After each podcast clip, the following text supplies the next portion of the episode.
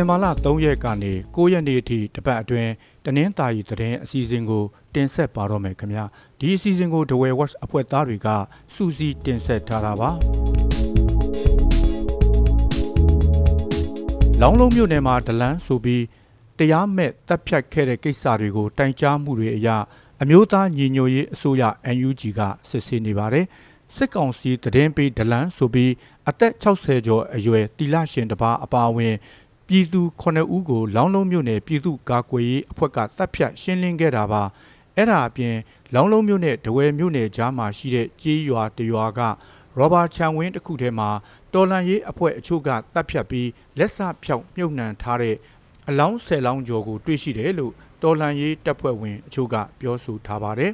လက်နက်ကင်မဟုတ်ဘဲဒလန်းဆိုပြီးဆွတ်ဆွဲတပ်ဖြတ်ခံရတဲ့အပေါ်မှာမိသားစုဝင်အချို့အပါအဝင်လက်နက်ကင်တော်လန်ရေးအဖွဲ့တချို့နဲ့နိုင်ငံရေးတက်ကြွလှုပ်ရှားသူတွေကအမှန်တရားကိုလိုချင်တယ်လို့တောင်းဆိုထားပါတယ်ဒီလိုတရားမဲ့တပ်ဖြတ်ခံရတဲ့ကိစ္စတွေကိုတိုင်ကြားချက်အရ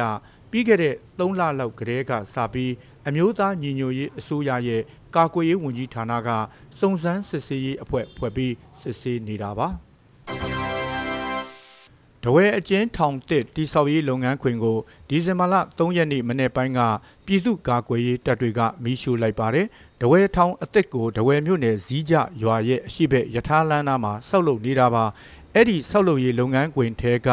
ဘဲဟိုးတစည်းနဲ့အလုသမားအဆောင်တွေကိုလည်းမီးရှို့ခဲ့ပါတယ်။အကျဉ်းထောင်တစ်ဆောက်လုပ်ရေးလုပ်ငန်းခွင်ကအလုသမားတွေကတော့ထွက်ပြေးသွားကြတယ်လို့ဆိုပါတယ်။နောက်တည့်ညနေမှာတော့ရန်ကုန်တဝယ်ပြည်ထောင်စုလမ်းပေါ်ရှိလမ်းအုံပြုခကောက်ခံနေတဲ့ဇီးကြတိုးဂိတ်ကိုပြည်သူ့ကာကွယ်ရေးတပ်တွေကမီးရှို့လိုက်ပါတယ်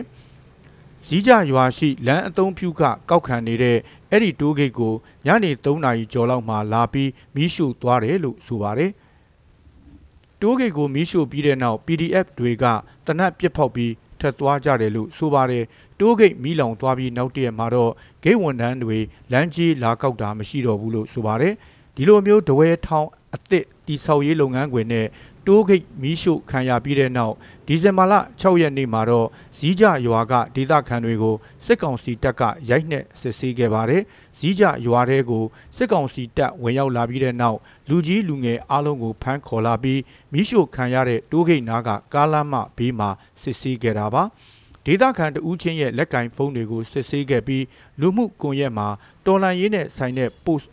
ဝေမျှထားသူတွေကိုရိုက်နှက်စစ်ဆေးခဲ့တယ်လို့ဆိုပါတယ်။ ဒေသခံရွာသား100ကျော်လောက်ကိုလမ်းဘေးမှာအချိန်9နာရီကျော်ကြာစစ်ဆေးပြီးတဲ့နောက်အားလုံးကိုပြန်လွှတ်လိုက်ပါတယ်။အဲဒီနောက်စစ်ကောင်စီတပ်သားတွေဟာအခြားရွာတွေဘက်ကိုထွက်ခွာသွားတယ်လို့ဆိုပါတယ်။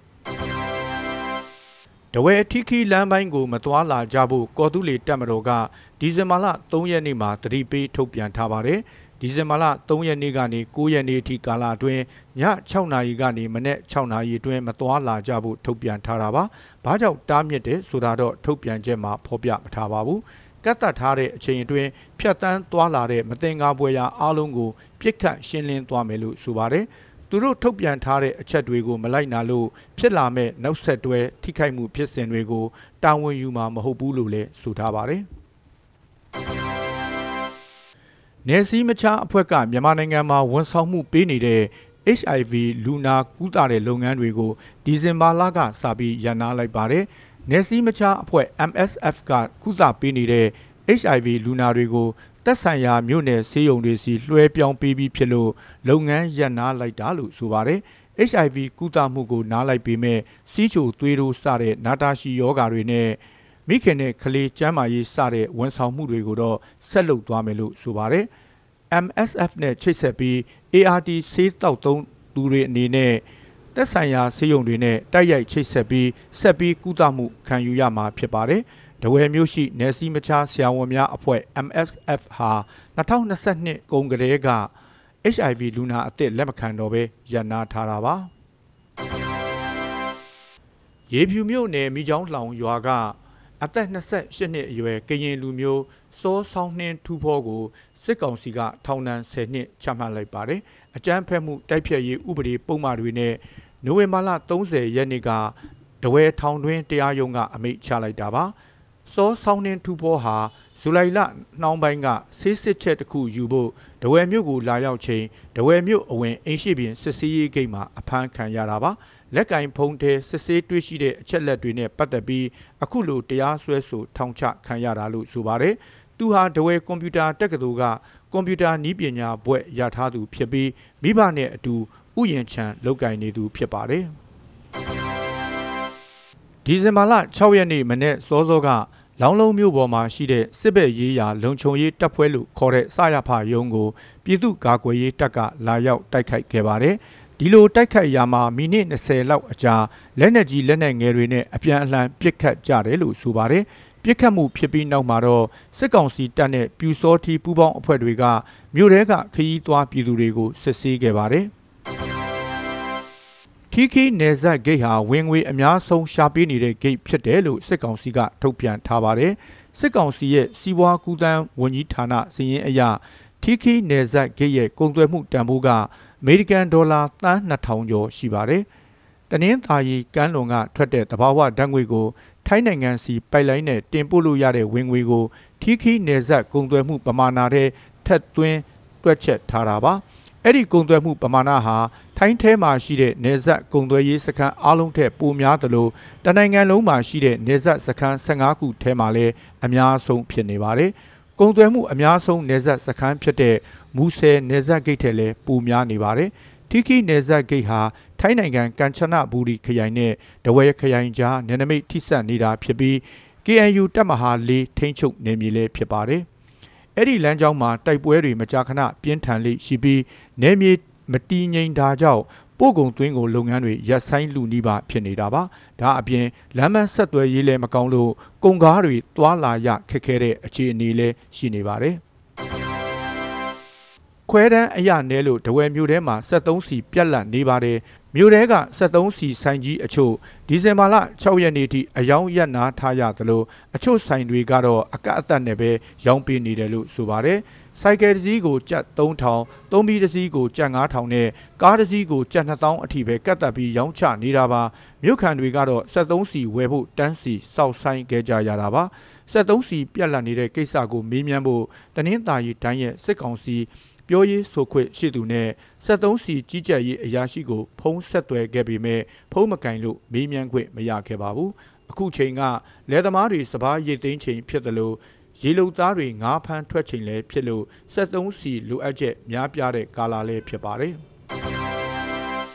ကော့တောင်းခရိုင်မှာစစ်ရေးအရှိန်မြင့်တင်တော့မယ်လို့ပြည်သူ့ကာကွယ်ရေးအဖွဲ့ကဒီဇင်ဘာလ9ရက်နေ့ကတတိပေးထုတ်ပြန်လိုက်ပါတယ်။နိုင်ငံတော်ဝန်စစ်ရေးအရှိန်မြင့်လှုပ်ရှားနေတဲ့အချိန်ဖြစ်တဲ့အတွက် ကော့တောင်းပြည်သူ့ကာကွယ်ရေးအဖွဲ့ကလည်းစစ်ရေးလှုပ်ရှားမှုအရှိန်မြင့်တော့မယ်လို့ထုတ်ပြန်ချက်ကဆိုပါတယ်။ဒါကြောင့်မို့ကော့တောင်းခရိုင်ထဲက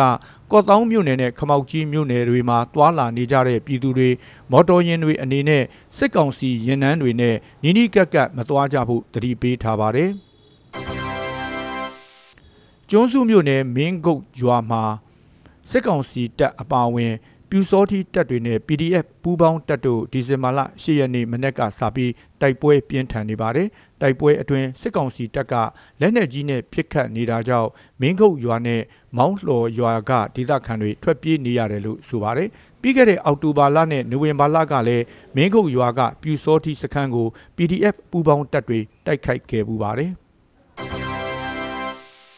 ဗုတ်ပြင်းမြို့နယ်မှာကရင်အမျိုးသားလွတ်မြောက်ရေးတပ်မတော် KNLA ရဲဘော်2ဦးနဲ့အရက်သား2ဦးကိုစစ်ကောင်စီတပ်ကပစ်ခတ်ခဲ့ပါတယ်။ပြည်ကြီးမန်နိုင်မြို့3မိုင်လမ်းမှာဒီဇင်ဘာလ4ရက်မနေ့ကပြစ်ခတ်ခံရတာပါစစ်ကောင်စီတပ်ရဲ့ပြစ်ခတ်မှုကြောင့်စိုက်ကယ်မောင်းတဲ့အရက်သား2ဦးနဲ့နောက်ကထိုင်လိုက်လာတဲ့ KNU ရဲဘော်2ဦးတေဆုံးပြီးအလဲမှာထိုင်တဲ့ရဲဘော်ကတော့လွတ်မြောက်ခဲ့တယ်လို့ဆိုပါတယ်တေဆုံးသွားတဲ့ KNLA ရဲဘော်ကိုမျိုး သိန်းထွန်းက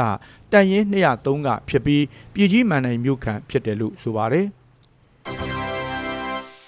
မြိတ်မြို့နယ်တုံးပြောကြီးရွာကစစ်ကောင်စီတပ်စခန်းကိုပြည်သူ့ကာကွယ်ရေးအဖွဲ့တွေကဒီဇင်ဘာလ2ရက်နေ့မှာဝင်ရောက်တိုက်ခိုက်ခဲ့ပါတယ်။အဲ့ဒီစခန်းမှာပြူစောထီနဲ့စစ်ကောင်စီတပ်တွေပူးပေါင်းပြီးစခန်းချနေကြတာဖြစ်ပြီးတနာရီလောက်အကြာတိုက်ပွဲဖြစ်ပွားခဲ့ပါတယ်။ တိုက်ပွဲအတွင်းပြည်သူ့ကာကွယ်ရေးပူးပေါင်းတပ်ဘက်က2ဦးဒဏ်ရာရခဲ့တယ်လို့စစ်ကောင်စီတပ်သား3ဦးသေဆုံးသွားတယ်လို့ဆိုပါတယ်စစ်အာဏာသိမ်းတာကိုဆတ်ကျင်ဆန္ဒပြသူတွေကိုရန်ကုန်မြို့မှာပြစ်တက်နေတဲ့အချိန်မြိတ်မြို့မှာတော့လုံခြုံရေးအထက်ထက်ချပြီးစစ်ကောင်စီထောက်ခံပွဲပြုလုပ်ခဲ့ပါတယ်။ မြိတ်မြို့မြို့မှာအားကစားကွင်းမှာဒီဇင်ဘာလ3ရက်နေ့ကစစ်ကောင်စီထောက်ခံပွဲပြုလုပ်ခဲ့တာပါ။တစ်ဖက်မှာလည်းတော်လန်ရေးတပ်တွေကမြို့သိမ်းတိုက်ပွဲတွေဇက်တိုက်ဆင်နွှဲနေတဲ့အချိန်မှာအခုလိုစစ်ကောင်စီထောက်ခံပွဲပြုလုပ်ခဲ့တာပါ။ထောက်ခံပွဲလုပ်တဲ့အားကစားကွင်းနဲ့ကွင်းပတ်လည်မှာရှိတဲ့ဝင်ပေါက်တွေလမ်းစုံလမ်းခွတွေကိုလက်နက်ကင်ပြည်စောထီးတွေအပါအဝင်စစ်ကောင်စီတပ်သားတွေနဲ့ရဲတပ်ဖွဲ့ဝင်တွေကလုံခြုံရေးအထက်ထက်ယူထားတာပါ ထောက်ခံပွဲတက်ရောက်လာသူတွေရဲ့အသက်အန္တရာယ်ကိုစိုးရိမ်လို့အခုလိုမျိုးလုံခြုံရေးချထားတာလို့ဆိုပါတယ်ဒီပွဲမှာမြိတ်နဲ့ကျွန်းစုမြို့နယ်ကကြက်ခံရေးပါတီဝင်တွေရက်ကျေးအုပ်ချုပ်ရေးအဖွဲ့ဝင်တွေအပါအဝင်အင်အားရာကနန်းလောက်ပါဝင်တယ်လို့ဆိုပါတယ် မြိတ်ဒေသမှာအခုနှစ်စဘာစီးနှုံးဟာပြီးခဲ့တဲ့နှစ်တဲ့နှစ်ဆနီးပါးအထိမြင့်တက်လာပါတယ်။ပြီးခဲ့တဲ့နှစ်ကုန်ပိုင်းကစဘာတည်င်းကို12000ကျပ်ပဲရှိခဲ့ရာကအခုနှစ်ကုန်မှာတည်င်းကိုကျပ်2000နီးပါးအထိဖြစ်နေတယ်လို့ဆိုပါတယ်။စဘာစီးမြင့်တက်လာပြီးမဲ့အခြားတစ်ဖက်မှာတော့စိုက်ပျိုးရေးသွင်းအားစုတွေအပြင်အထွေထွေဈေးစကတွေမြင့်တက်လာတာကြောင့်အကျိုးအမြတ်နည်းနေတယ်လို့စဘာဆိုင်တောင်သူအချို့ကပြောပါတယ်။အလုသမားခရီဈေးတက်လာတာ ပိုးသက်ဆေးဓာတ်မြေဩဇာစတဲ့ထုတ်လုပ်မှုဈေးရိတ်မြင့်တက်နေတာတွေကြောင့်လယ်သမားတွေအတွက်ကတော့အကျိုးအမြတ်အရနည်းနေကြတာပါအခုလိုနားဆင်ပေးခဲ့တဲ့အတွက်အထူးကျေးဇူးတင်ရှိပါတယ်ခင်ဗျာတောတာရှင်များကျမ်းမာချမ်းသာပြီးကပ်ဘေးအပေါင်းမှဝေးနိုင်ကြပါစေလို့ဒဝဲဝက်ဝိုင်းတော်သားများကစုမုံကောင်းတောင်းလိုက်ပါတယ်ခင်ဗျာ